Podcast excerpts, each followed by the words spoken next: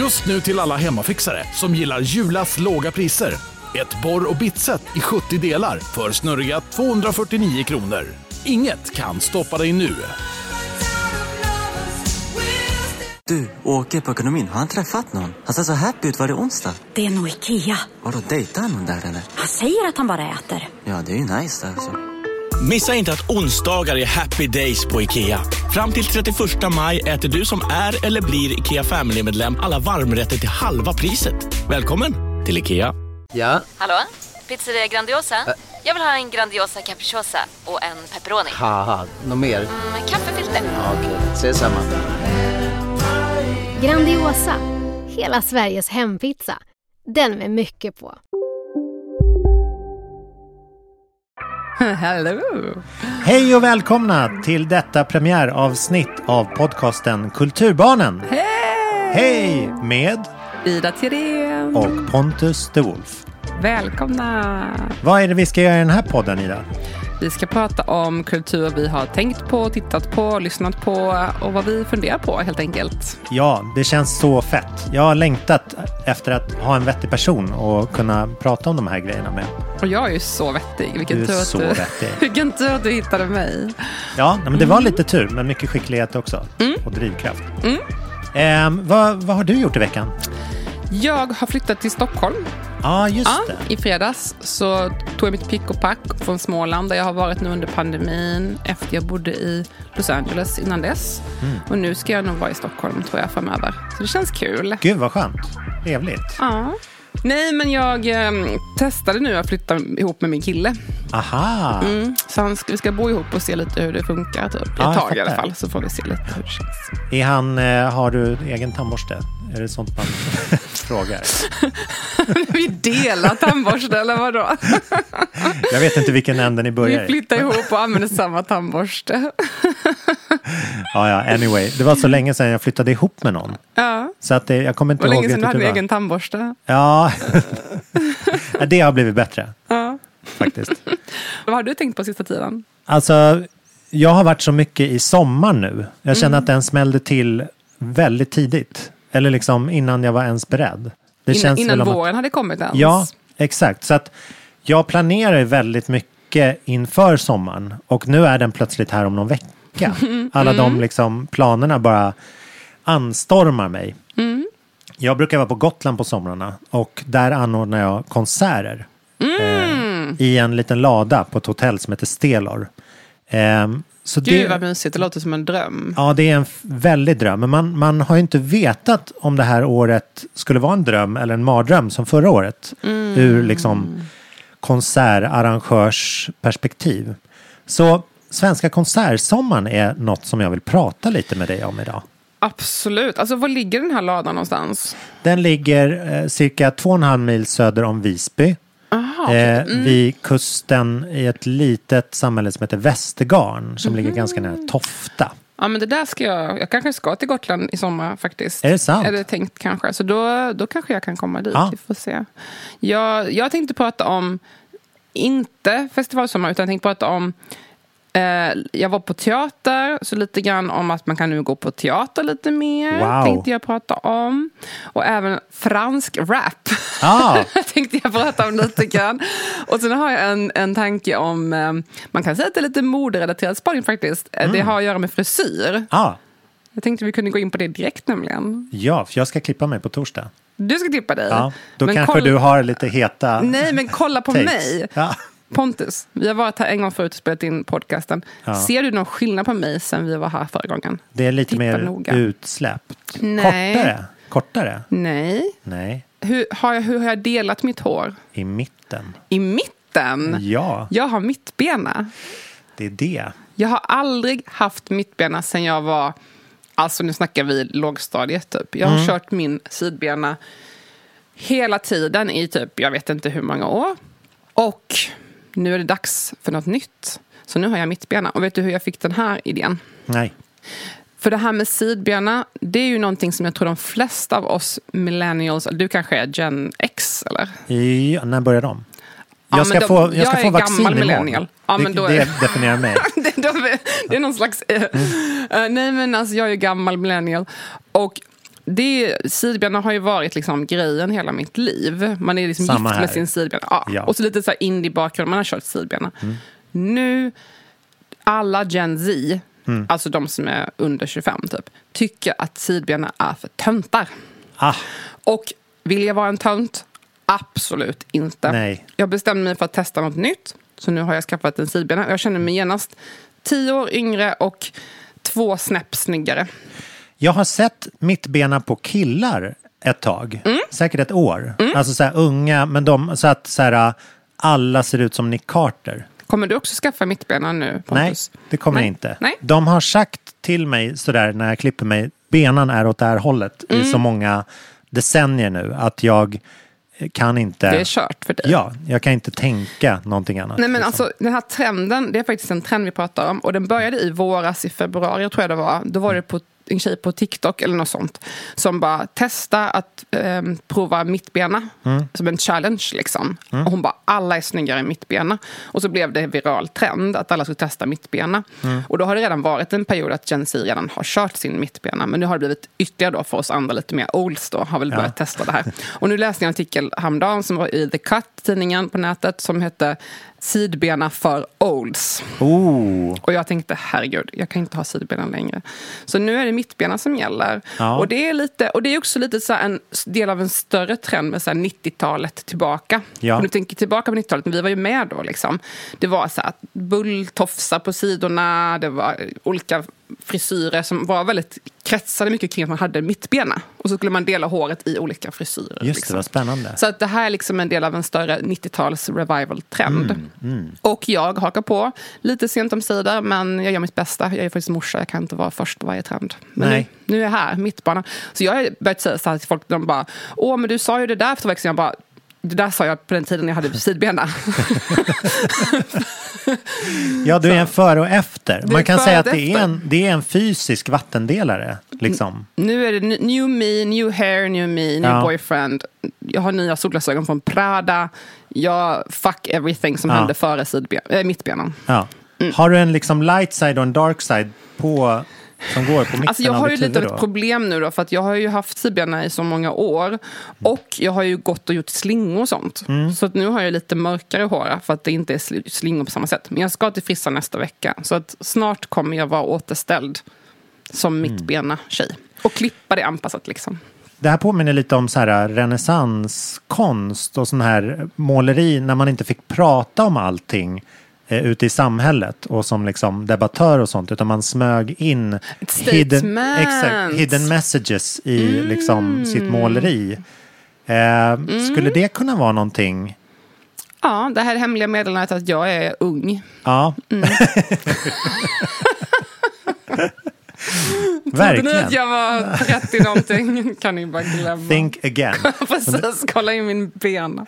Men det här, för det är ju revolutionerande, för om man, om man då ser någon som inte har mittbena de närmsta åren, då är det som att den försöker säga någonting till en. Det kan också vara ett metastatement, typ så här. Jag vet att jag är gammal men jag är anti, anti-aging-grejen. Ja, ja. Jag tänker inte gå med på det här att det inte är okej att vara gammal. Så Nej. jag tänker fortsätta köra sidbena. Jag vill absolut inte vara gammal så jag kommer köra mittbena. Ja. Jag har köpt in i patriarkatets ungdomshets. Ja. Men jag har inte gjort några injektioner. Så jag tycker att eftersom jag inte har någon botox då kan jag unna mig en mittbena. Ja, men det är bra. Jag tänker mycket också på de här äh, tillfångatagna journalisterna i, i diktaturer som, som Rys, Ryssland och. Ukraina. Eh, de som får, får ställa upp på sådana här fejkade intervjuer nu där de säger att jag ber så mycket om ursäkt för att jag har liksom Kritiserat Putin Ja, typ. precis. Ja. För de, de sätter ju upp lagsystem så att kri- regimkritiker ska kunna tystas och sådär. Men då kan ju de göra de här intervjuerna med en liten sidbena. Så märker man att så här, någonting är off. Det här är inte på riktigt. Jag tror vi har, en, vi har något på gång här. Ja. Det ska bli väldigt kul att se vad som händer efter du varit hos frissan nu då. Om du kommer falla för trycket. Exakt. Ja, lite läskigt känns det som nu. Men, Mm. Min eh, kille har ju mittbena. Så Går- att, går eh, han till frissan, Men han är ju eller? 20 something. Ja, Det är ju det. Hade han det innan din revelation här? Absolut, jag snodde det rakt av av honom. Eller det var inte av honom egentligen för jag såg det på TikTok också. Mm. Men jag blev ju dubbelt påverkad av att han också då hade mittbena. Så jag ville ju vara lika cool. Har som han. din bild av honom förändrats sen du fick den här uppenbarelsen? Ja, men det någonting föll på plats. För innan var det som att jag bara, oh, wow vad cool och snygg och häftig och modern du ser ut. Mm. Tyckte jag när vi träffades. Och sen insåg jag, aha, mittbena. Det är jag som inte... Det är jag som... It's not you, it's jag- me. Han runt och trodde att jag behövde fillers. Nej, jag hade bara fel bena. Åh, gud vad tråkigt.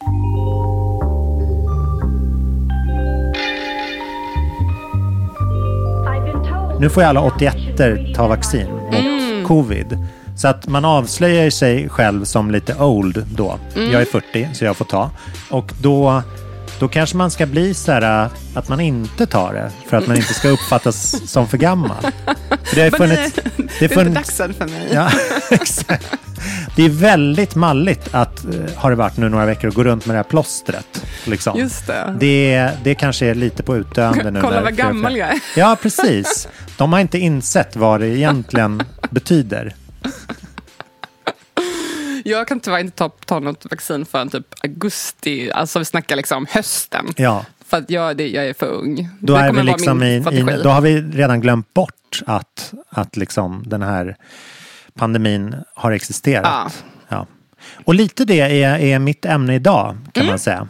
Eh, jag skulle som sagt vilja prata om eh, konsertsommaren Mm. 2021.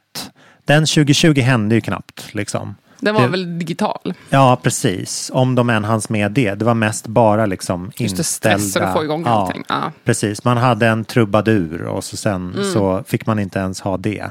Liksom. Och nu, jag, jag som då arrangör, jag arrangerar på ett litet ställe som tar 200 pers. Så vi har alltid satsat på väldigt så här, exklusiva eh, upplevelser. Eh, litet ställe, väldigt liten personal, men så får vi ändå dit så här, Lisa Nilsson eller Lisa Ekdahl. Legender. Ja, visst. Bo Sundström, så här bra stora artister liksom. Men som i det, i det här formatet så blir det någonting väldigt maffigt liksom. Och i år är ju det... det Gud, jag säga, vilken dröm att se Lisa Ekdahl. Alltså jag vill verkligen se Lisa Ekdahl. Vad peppad Mm. Ja. jag blir. Mm. ja, på, tänk då i ett liksom vara på det här avståndet som du och jag är på. Det är Mm. jäkligt coolt. Två meter. Ja. Och det, det är sånt alla säger att så här, det är den bästa konsertupplevelsen egentligen. Alltså att man kan ju, det spelar nästan ingen roll vem artisten är då. Om det liksom har varit så nära så brukar det sätta sig som ett bra Men konsertminne. kommer folk från hela eh, Gotland då? Och Stockholm? Eh, mindre än man tror, utan det är ganska nära Lokalt? däromkring. Liksom. Liksom. Ja. Och i år så får man ju ta 500 pers utomhus och 300 pers inomhus sittande. Så vi, jag är ju på något vis liksom den största anpassade arenan som finns i Sverige. Det är att ligga mellan 200 och 300 ordinarie platser sådär. Då är man liksom det bästa som finns för konsertsommaren 2020. Och det tycker jag är väldigt intressant. Så att i år så blir det liksom extra påslag med stora artister som gör den typen av spelningar. Det är intressant för jag träffade på um, Herbert Munkhammar som tidigare känd som um, afasi och eh, ansiktet och olika maskinen och sånt där. Maskinen, Ja, det. Vi träff, jag träffade på honom på stan igår och vi snack, snackade lite. Jag känner hans fru och sådär, eller tjej. Mm. Och då pratade vi lite om det här med konserter och sådär och då sa han liksom att det kanske blir så här em, explosion nu. Mm. Vi pratade lite om att det kan bli så här, vad heter det, prisdumpning nästan i turné för alla nu har gått och spelat in material ett helt år Ja, och alla det. vill ut och turnera och då kanske det blir lite så här inflation i det där. Mm. Hur tänker du kring det? Det är intressant för att då har man missat hela kulturpolitiken. Eh, De här miljarderna som ska tillfalla eh, musik och kultur. Nu snackar du så här krisbidrag. typ. Ja, exakt. Ja, mm. De ska ju faktiskt användas så att man alla ska kunna ha sina vanliga gager bara att eh, regeringen fyller i med Mhm. eh, liksom det som blir över eller vad man ska säga. Mhm. Så att det egentligen ska det gå, men jag förstår vad han menar. För Mm. det är också brist på ställen. Som nu, jag har ett litet ställe men jag har de största artisterna i landet. Så det blir på något vis konstigt. Var ska de liksom näst största spela någonstans? Mm. Då får det vara i någons trädgård. Det ser jag att många gör. Att så här, vi kommer hem till dig eller på din fest. Och sådär. Wow. Kom hem till mig, hör av Ja. dig artist. Jag vill jättegärna att du kommer till min gård. Ja, Du, Jag ring. Herbert. Herbert Munkhammar. Han kommer göra sådana gig. Nej, men han vill, det var inte han ville turnera. Han, vi pratade bara om lite mer abstrakt nivå. Det var Ja. inte personligen för honom, utan det var mer så här, hur det kommer bli. Men det kommer liksom bli så, då kan man ta, om man har en ännu mindre artist, då kan den komma till ens kontor kanske. Ja. Eller så här hem till dig på din, din och din killes middag. Och så här dra en rap. och så är det liksom, ja men det var så stort som det blev det här året. Det följer så här streamingens sakta race to the bottom i betalning. Att även live kommer bli, Men alltså hur funkar det med pengar? Alltså, jag har tänkt mycket på en grej. Nu, nu bara, du får gärna återkomma till det ämnet, jag ska Ja. bara fråga en sak. För att jag ehm, har tänkt mycket på det här med TikTok och musik. Ja. Ehm, det finns ju en låt som heter Samma gamla vanliga. Har du hört den? Nej. Okej, men jag kan bara jag kan få höra lite snabbt bara. Jag är på pent, massa pengar och fnitter. Jag är samma gamla vanliga. Åker runt i bilar automatiska. De är tragiska, pum pah Dyker upp med min broder, blåser ut farligt hasch Jag är samma gamla vanliga. Åker runt i bilar automatiska. Okej, det, där, alltså, det är alltså samma gamla vanliga med A36. Och den här låten har varit jättepoppis på bland annat TikTok. Och den har en sån himla fett hook. Alltså, Ja, ja. samma gamla, alltså den är fet. Och den är bara två minuter lång. Vilket jag tycker är väldigt ovanligt för en låt. Ja, ja. Alltså, vilken låt är två minuter? Det är ju typ ett outro. Liksom. Men den har blivit en sån sjukt stor hit på nätet. Och så Sara Larsson har typ mimat till den och sådär. Och jag tycker det är så intressant för jag undrar lite grann hur det här går till med ekonomi. Kan det här vara ett sätt att, nu tror jag inte att de är så cyniska, men man får ju kanske fler streams i antal om du har en kort låt.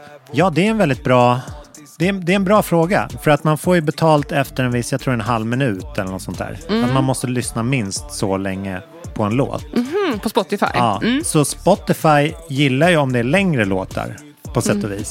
För då blir det ju färre streams. Så du får betalt per låt, Ja, eller över per, 30 sekunder. Exakt.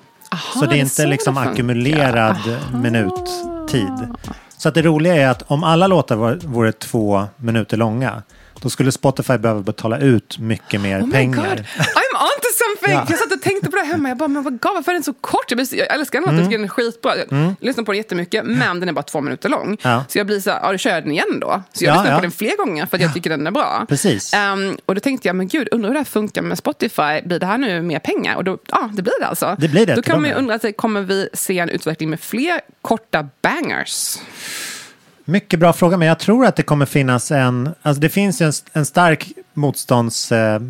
motståndsfaktor på Spotify som är podcasts. För där, där är ju, de är ju i regel liksom 40 minuter långa som man då spenderar inne i Spotify-plattformen. Men de betalar inte för podcasts. Nähä, Så att det är liksom, de vill ju att man ska lyssna på podcasts och inte på korta låtar. Alltså man får inga pengar alls för en podcast? Nej. Alltså.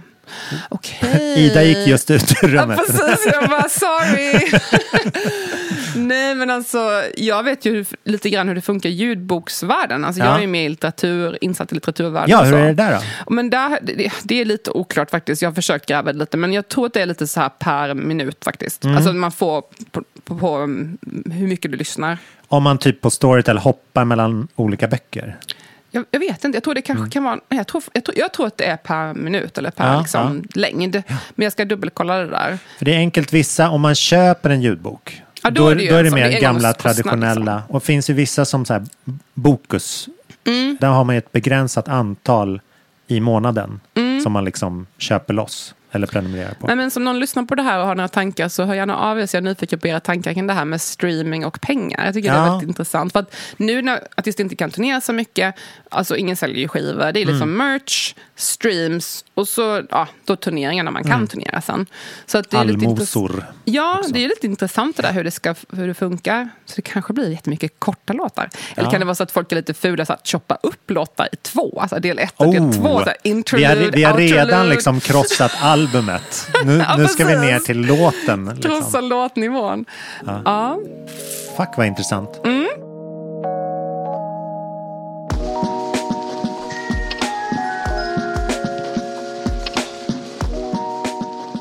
Jag tycker det är väldigt spännande med det här eh, konsertformatet som nu är. För att senaste veckan har det ju ploppat upp enorma konserter.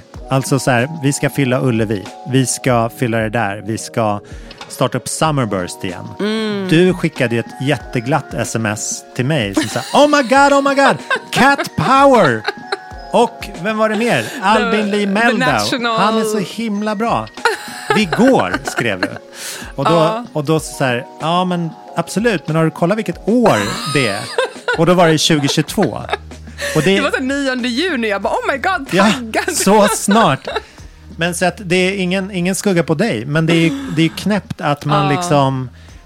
Man vet ju att folk är taggade nu, men är Mm. man så taggad att man liksom planerar för... Man blir nästan lurad, så som du blev. Att så här, ja, men jag vill se det här nu, här är mina pengar. Och så Mm. Ja, sen precis. så här, jaha, är det om ett år? Men jag, tycker, jag vill ändå slå ett slag för att köp biljetter till Cat Power nästa juni. Jag kommer göra det. Jag vill ändå stötta det här projektet. Du vill de- betala det nu? Jag alltså? vill att det ska bli av. Ja. Jag, vill lägga mina, jag tror mycket på det här att lägga sina pengar där man vill att saker ska hända. Jag älskar att betala för kultur. Ja. Det finns ingenting som gör mig så irriterad. Det finns mycket som gör mig irriterad. jag ska inte ljuga. Ja. Men en sak som gör mig irriterad av många är när folk tjuvar så här. eh, Och det finns tydligen något program som gör att man kan få flera streamingtjänster Just det. eh, gra- gratis, typ, eller för en jätteliten kostnad. Det där gör mig tokig. För jag tycker man ska betala för kultur. Okej, det har väl hänt att jag har använt mitt ex Netflix-konto eller något sånt. Ja, ja. Och det där tycker jag är så himla irriterande. För att det kostar 99 spänn eller 100 spänn. Jag vet inte, HBO, Netflix, Dra Draken film som jag älskar. Lite mer indie-versioner med indiefilm och sånt. Alltså det finns ju jättemycket bra. Men det kan ju inte produceras någon bra kultur om inte folk betalar för det. Nej. Och det här gäller ju för all kultur. Alltså, folk får ju betala för det de vill ha. Och jag tycker det är så dålig stil. Jag tänker kolla på de programmen, men jag tänker inte betala. För då blir det ett, ett man får inga pengar till kulturskapare. Två, jag som betalar får betala mer. Ja, Pris, någon måste ju betala för det här. Då kommer ju bara priserna gå upp istället för de som faktiskt betalar. Verkligen. Så det där liksom, det, jag tycker, gillar man någonting, betala för det. det. Jag har inga problem med det. Det där påminner även om så här Pirate Bay-debatten. Mm. När man säger, "Nej, men jag, jag, om jag gillar någonting, då köper jag CDn. Det var liksom ett så här ling, Mm. lingo som folk körde med då, som såklart inte funkar. För att har man en gång liksom sett eller hört någonting, då är man ju trött på det Mm. sen. Och plus att kultur bygger ju väldigt mycket på att man bara vågar göra sin grej Mm. och sen kanske det blir dåligt. Och även den dåliga kulturen måste vi betala för. Chansningarna. Ja, precis. Nej, alltså jag hatar Alltså, inte på liksom den här Pirate Bay-grejen och så, men det, ledde ju fram till det som idag är Spotify, tänker jag. Hela den Ja. debatten var ju en slags mellanläge innan streamingtjänsterna tog över. Mm. För då fanns det ju inget mellanting. Då var det CD eller ladda, ladda hem gratis. Nu Mm. kan vi ju streama och betala. Och samma sak med film. Nu kan man ju faktiskt hyra film på nätet ganska enkelt. Det kunde Ja, man inte för några år sedan. Så då var man tvungen att göra sådär om man inte ville gå och köpa en fysisk skiva eller film. Ja. Så det var ju någon slags mellantid. Nu tänker jag de flesta människor betalar för Spotify. Liksom, Istället för Pirate Bay eller vad det kan vara. Um, shit, finns ens Pirate Bay? Jag vet inte, jag har inte kollat på sistone. Eh, men det, det är också där, när vi, om ni nu lämnar den här konsertsommaren och går in på nästa, så tycker jag Hej, Synoptik här. Visste du att solens UV-strålar kan vara skadliga och åldra dina ögon i förtid? Kom in till oss så hjälper vi dig att hitta rätt solglasögon som skyddar dina ögon. Välkommen till Synoptik. Välkommen till Unionen. Jo, jag undrar hur många semesterdagar jag har som projektanställd och vad gör jag om jag inte får något semestertillägg? Påverkar det inkomstförsäkringen? För jag har blivit varslad, till skillnad från min kollega som ofta kör härskarteknik på möten och dessutom har högre lön trots samma tjänst. Vad gör jag nu? Okej, vi tar det från början. Jobbigt på jobbet. Som medlem i Unionen kan du alltid prata med våra rådgivare. Upptäck hyllade XPeng G9 och P7 hos Bilia. Våra produktspecialister hjälper dig att hitta rätt modell för just dig. Boka din provkörning på bilia.se xpeng redan idag. Välkommen till Bilia, din specialist på XPeng. ja, att det är viktigt att man tar med sig någonting från den här sommaren. Alltså det här, äh, eftersom det är så många som tycker att det här lilla formatet är fantastiskt, så tycker jag att man måste liksom värna om det och ta med det in i nästa år på något vis också. För att det finns någonting som jag har tänkt på under corona att, eh, att det känns som ett så undantagsår för kulturen. Att så här, vi kan inte ha riktiga konserter så vi får streama. Vi kan inte gå på riktig teater så vi får göra den här lösningen Mm. och så. Eh, men det är ju saker som, som tar upp lika mycket kulturplats som om det hade varit ett, liksom, ett vanligt kulturår, Mm, om man säger. mm. Vi, vi har en slags, ett snack om att så här, det här var ett undantag och nästa år så kommer det börja om igen. Liksom. Men då tror jag man har skjutit sig i foten. För att man, att man tror att det här har varit ett tomt. För det har redan skett saker även i tystnaden. Ja, och själva tystnaden är ju också en katalysator för saker. Mm. Det gör ju till exempel att så här, låtar skrivs på ett helt annat sätt. Mm. Och att det, det finns en mycket mer så här mellowness i, i musiken som har varit den, det gångna året. Och eh, tror att det kommer påverka kulturen i stort ganska mycket. Mm. Utan att man kan, man kan inte se det med en gång för att det är en så udda tid. Alltså, jag var på, faktiskt på live-teater igår kväll. För första gången på, ja nu snackar vi liksom länge. Mm. Ehm, sist jag var på teater var nog på Dramaten när jag såg Tennessee Williams Linje Lusta. Som var en av de bästa teaterföreställningar jag sett i mitt liv. Mm. Alltså den var fenomenal. Och det är en av mina favoritpjäser också som jag har läst och studerat mycket. Just det, det, bland annat med Chantironi. Just det, hur? Pironi var med. Och vilka var det med? Det var hu- kvinnliga huvudrollen var också alltså, de var så briljanta allihopa. Livia Millhagen. Ja, så himla bra alltså. Eh, Men i alla fall, igår såg jag på en elevuppsättning faktiskt. På Kalle Flygares eh, sk- teaterskola. Mm. Deras sista examensföreställning. Och det var faktiskt jättekul. Det var en Midsommarnattsdröm av Shakespeare som var reväntad. Mm. Det, var jätte, det var väldigt kul och bra. Och jag, jag tyckte det var väldigt kul för att den var så mm, levande och det var så kul att vara, det var så påtagligt hur kul det var att vara med i rummet. Vi var inte Ja. så många då i och med att det är corona. Men just det här interakt, interaktiva i scenmomentet. Mm. Det blev så himla tydligt. Det var ju ett rum, så vi satt liksom längs väggarna i ett rum. Så det var Mm. inte en typisk scen. Um, man sitter och kollar på en scen. Mm. Och det var så himla upplyftande bara att få vara med i den miljön. Ja. Och det var lite så musik och det var dans. Och, ja, jag, jag kände verkligen att jag hade saknat det där Ja. live-känslan. Så det kändes väldigt hoppfullt och kul inför framtiden nu. Jag var på en dansföreställning för ett par månader sedan också som var Mm. också helt den känslan. Att så här, gud, kan man få göra det här? Vad rikt det känns. Ja. Det är jäkligt kul. Det är också spännande att vara i den liksom rullningen nu. Det kommer ju bli som en snöbollseffekt. Liksom. Mm. Eh, men det, det kan också vara, komma en liten backlash på det, tror jag. Att så bli här- mätta liksom. Ja, men nu har man längtat efter så här kultur så himla länge och så här, åh, vi ska inte ta den på för givet igen och så där. Att det, man, kan, man kan bli mätt ganska fort då, Mm. tror jag också. Om man liksom överkonsumerar eller vad man ska säga. Man Mm. får verkligen så här, savor this moment.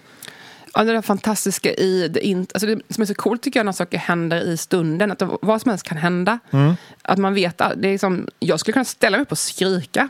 Och hur påverkar det skådespelarna? Ja, Det är ju alltid det, Det är en nerv i momentet. det, ja. Det finns Ja. någonting där och det är det som är väldigt tydligt i typ performance. Det är det som Mm. skiljer, tycker jag, performance från teater. Att det är ännu mer interaktivt, ännu mer finkänsligt för eventuella reaktioner och sådär från publiken. Mm. Så att det där längtar jag efter, den där ja, det är inte som på en så streamad pjäs där man säger jag skulle kunna byta flik nu.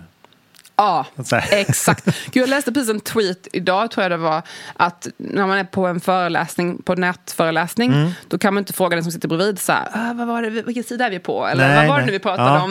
Om man tappar tråden så kan man fråga en granne, det kan man ju inte på samma sätt när det är Otroligt svårt alltså. Mm.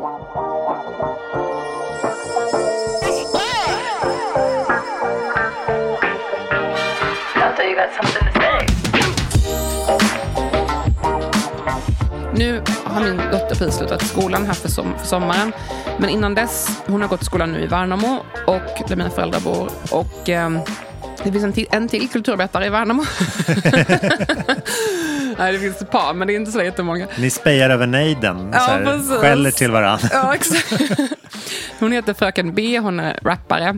Och ehm, det är väldigt coolt för att hon, vi pratade häromdagen och hon har levt på, på sin, sin rap liksom, Mm. i hela sitt liv egentligen. Hon har typ inte knappt haft något jobb. Mm. Lite som jag som också alltid hittat ett sätt att klara mig på min, min kultur. Mm.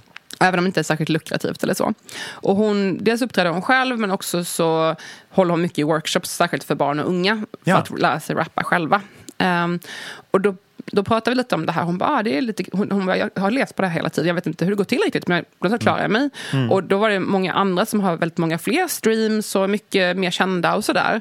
Som inte klarar sig på sin musik. Mm. Och ändå så kan hon göra det. Och så pratade vi lite om hur det funkar och sådär. Och att hon Ja, ofta får funkade det? kommentarer från folk och sådär. Och då tänkte jag på en essä som jag läste för några år sedan av en kille som heter Kevin Kelly. Mm. Han skrev den 2008 eh, i Wired Magazine. Och den heter Thousand Fans Theory. Har du hört om det här, Pontus? Det ringer en liten klocka. Ja. Men min förklaring av det här då, kanske inte det är perfekt, men det är att allt du behöver är ungefär tusen fans för att Mm. kunna leva på din konst eller din musik. Just det. Men det förutsätter då att alla de här tusen fansen är beredda att ge dig en viss summa varje år. Mm. Så det beror lite på hur många fans du behöver i förhållande till hur många, mycket pengar du behöver. Ja. Men säg att du kan klara dig på 300 000 om året. Ja. Då behöver du alltså tusen personer som är beredda att ge dig 300 kronor var. Mm. Eller hur? Räknar jag Mm. rätt nu? Det låter väldigt... Oklart. Um, Okej, så vi, vi som frilansare vet att 300, kronor, 300 000 på faktura, det är inte så mycket, det är hälften. Det är 105 000 efter ren skatt. lön är det så inte det är inte så så mycket Nej. lön. Men du skulle kunna klara dig på det. Ja, eller liksom delarbeta. Ja, eller precis. Ehm, eller kanske ännu hellre, kanske 500 000. Då behöver du tusen personer som är beredda att ge dig 500 kronor var. Ja. Så att om vi säger att du har en, en konsert eller två konserter om året. eh, Eller du har en konsert och släpper en skiva. Ja. ehm, eller man släpper någon... Böcker får man ju lite mindre än så. Och så turnerar du runt och kör lite indie-style, lite hemmakonserter. Mm.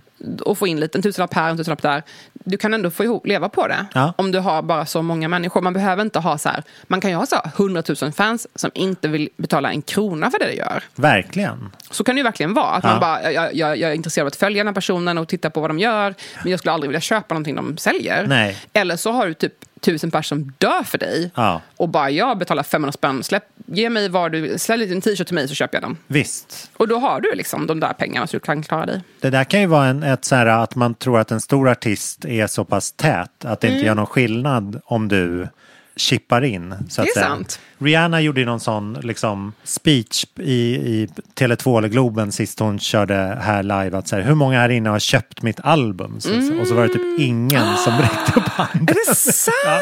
Och då blev det lite mulen stämning. För att det är så här, okej men vad kräver ni då? Eller så här, det, det blir ju liksom snarare ett underskott då. Att åka ut och underhålla alla de här personerna. Det är Just därför jag tror det. att hennes platta liksom dröjer så fruktansvärt länge. För att hon det har lackat liksom, ur. Ja, men liksom, hon, hon tjänar ju pengar på sitt smink. Ja. Men att det är liksom, Just det, sminket ja. själva musiken skulle kräva så mycket marknadsföring och liksom strul. Att Mm. den går typ inte plus. Ja, men det var lite som jag pratade med, jag var med i Simon Gärdenfors pod- podcast Arkivsamtal nu för några veckor sedan. Och vi pratade också lite om det här och ehm, han har gjort en jättefin seriebok som heter Död kompis, som är en Mm. jättefin serieroman. Men han menar att han tjänar mycket mer pengar på sin podcast Mm. än han gör på sina böcker. Just det. Så det blir också så här, hitta den motivationen. Ska jag skriva en till bok? Det kanske man egentligen vill. Ja. Men det som faktiskt betalar räkningarna är kanske då podcast till exempel. Men å andra sidan så skulle folk kanske inte följa podcasten om man inte släppte sina album. Om man hade någonting i botten Ja, sådär. nej, men man är ju liksom sin, sin summa av sin kardemumma. Mm. Men alltså, jag, jag har absolut inte köpt Rihannas album, det ska jag inte låtsas som. Nej. Men jag skulle nog kunna tänka mig att, som då med Fröken B till exempel, som är så här liten indie-rappare. Mm. Folk bara så här, wow, hon, klart vi ska stötta henne, jag köper din merch, jag köper din skiva, jag vill stötta dig. Liksom. Eller stötta, men jag vill liksom uppmuntra, jag vill att du ska fortsätta göra det du gör. Mm, mm. Eh, och som du säger, man kanske inte känner som Rihanna, man tänker hon behöver inte mig. Nej, precis. Sen tycker jag också att det finns också lite så här en känslomässig connection. Om man känner att någon är väldigt eh, nära en själv, då får man en känslomässig relation. Mm. Och då blir man ju mer intim med den personen. Eller en grej jag tänkte mycket på, det är ju det här med internet, alltså hur vi blir så himla känslomässigt nära de vi följer. Ja. Um, ja, men typ din fru är ju mycket på internet till exempel. Ja. Jag kan tänka mig att det finns jättemånga som bara så här, wow, jag känner som att hon är min kompis. Visst. Alltså för att det är i ens telefon. Och Man ser bilder på personen, man får liksom en, en relation till den personen. Det känns som att man är en vän. Mm. Och då blir det ju en väldigt falsk relation. För att man själv har en jättenära relation med den här personen. Mm. Men den vet inte ens vem man själv är. Nej, just det. Så det där är ju lite intressant Det kan ju dynamik. de missuppfatta ibland. Kan jag tillstå. Vadå? De, de kan ju tro att även Elsa har dem som Ja, bästa kompisar. Liksom. För det är ju ens naturliga brain, Ja, ja. brain function. Liksom. Eller hur? Och det är väl därför så här fan, fandom funkar. Mm. Intressant. Nej, men för det där tänker jag är en generell grej också. Att, man, man har ju en känslomässig relation till vissa som man känner sådär, oj den här personen är intressant. Mm. Men vissa kanske man bara säger, ah den här personen finns. Ja. Jag följer det den gör för att det är information. Mm. Det är inte så här en personlig känslomässig relation på det Nej. sättet. Så jag, jag tror att ehm, det kanske också påverkar lite vilka, vilka man vill ge sina pengar till. Om de bara, men den här personen är ju min vän, då Mm. klart jag ska köpa deras uh, grejer. Ja men verkligen. Så nu behöver vi bara hitta tusen pers som vill ge oss 500 kronor. Ja, det är bara tusen som saknas. 999 är kvar. Ja, precis.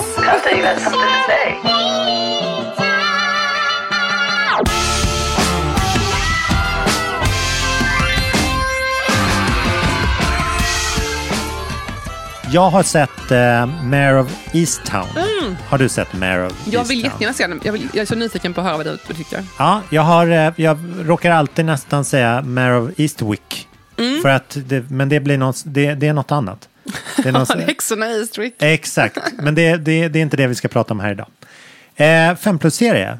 Verkligen från, från eh, ingenstans kom den i mitt liv. Och jag, hemma har vi någon slags så här, eh, post-Sopranos-trauma. Mhm.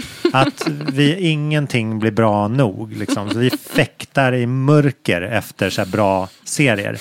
Då kom den, de här sju avsnitten som en liten så här, energishot tills vi liksom hittar nästa stora. Men vi konsumerade den här väldigt fort. Mm. Den är väldigt, väldigt bra.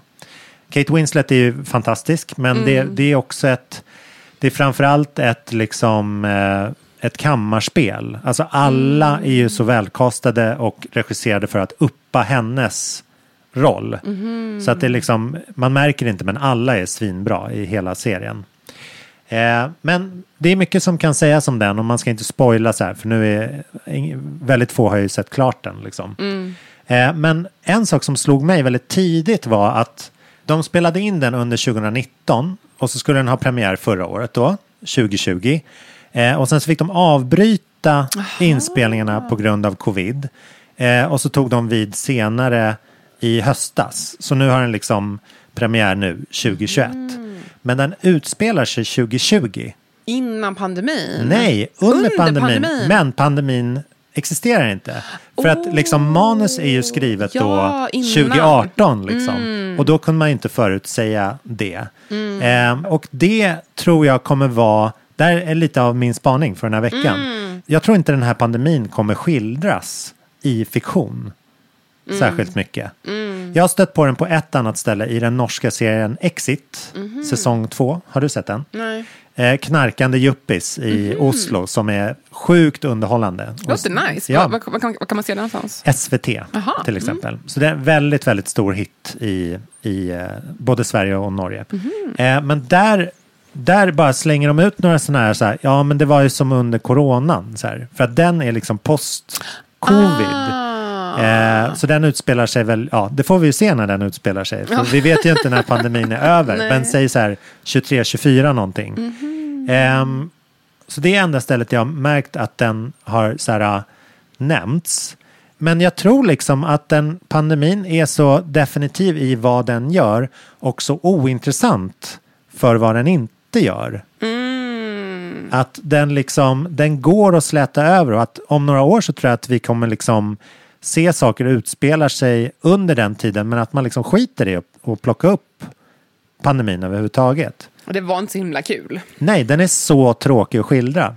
Och det är lite som så här 1946 till 49 var en ganska stor boom på så här film. Mm. En stor filmvåg då.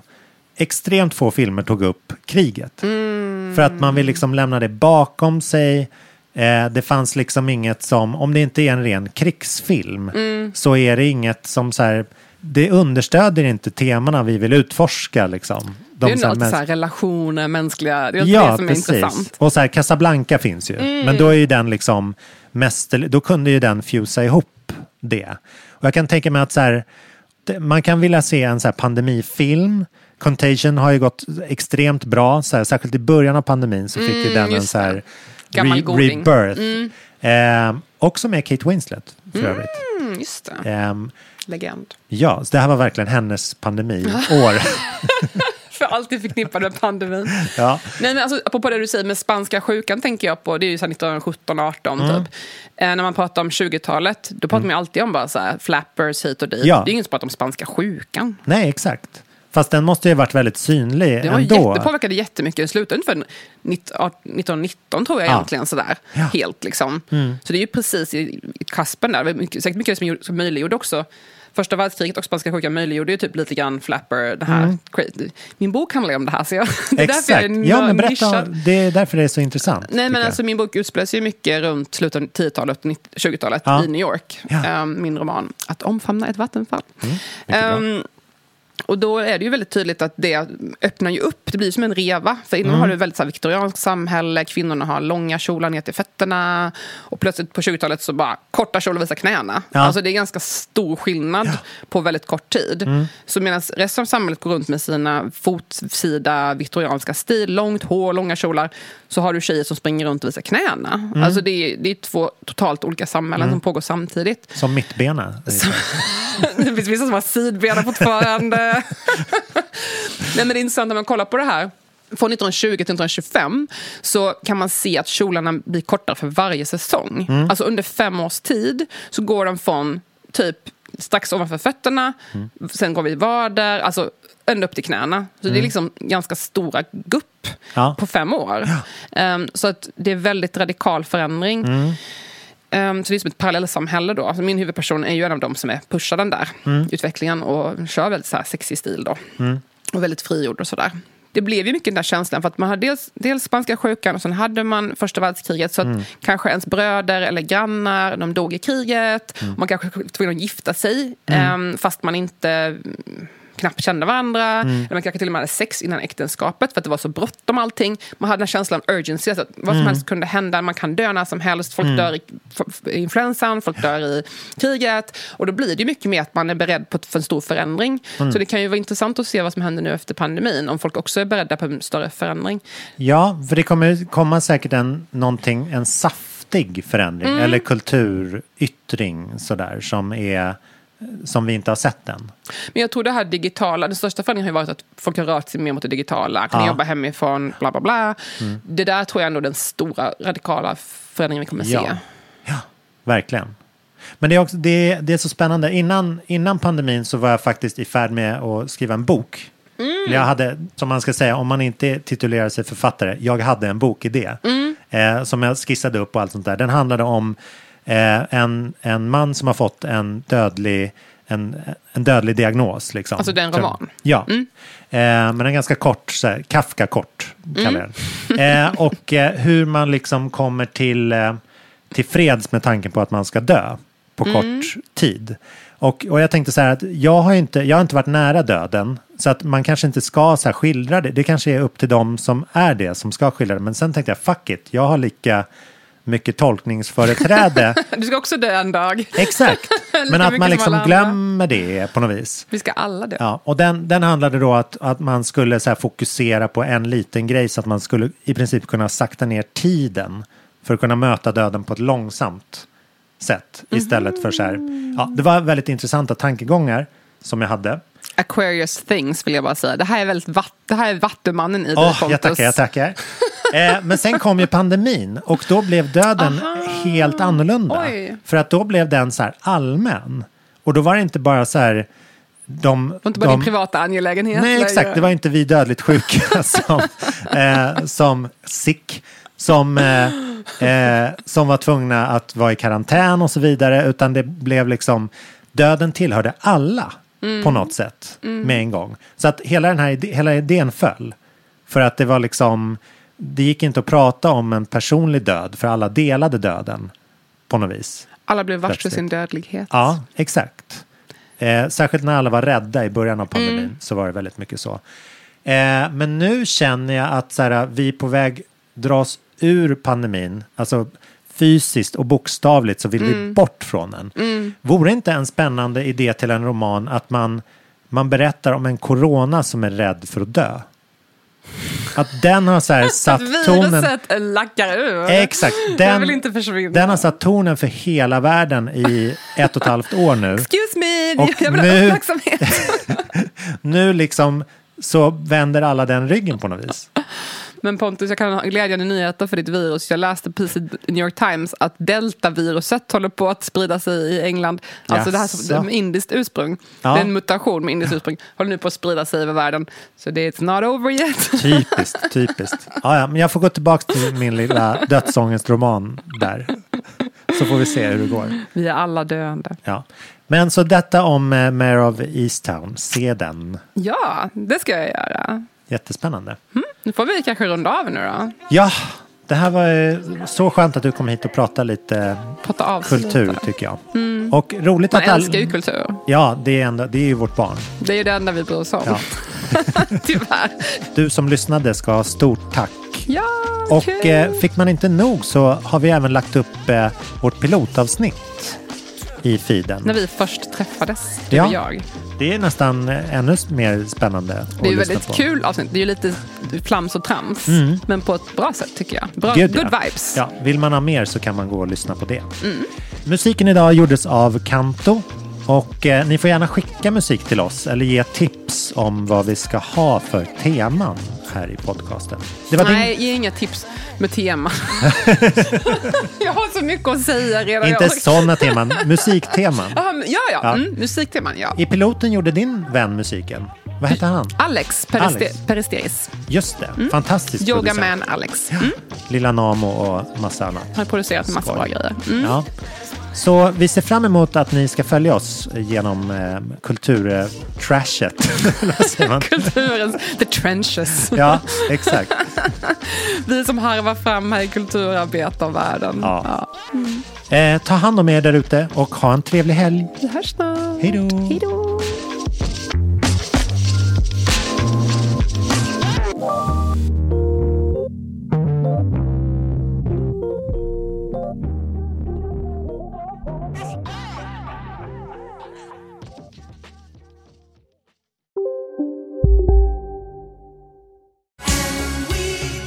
Just nu till alla hemmafixare som gillar Julas låga priser. Ett borr och bitset i 70 delar för snurriga 249 kronor. Inget kan stoppa dig nu. Nu ska du få höra från butikscheferna i våra 200 varuhus i Norden. Samtidigt. Hej! Tack. Jo, för att med så många varuhus kan vi köpa kvalitetsvaror i jättevolymer. Det blir billigare så. Byggmax. Var smart. Handla billigt. Nej. Dåliga vibrationer är att gå utan byxor till jobbet. Bra vibrationer är när du inser att mobilen är i bröstfickan. Alla abonnemang för 20 kronor i månaden i fyra månader. Vimla! Mobiloperatören med bra vibrationer.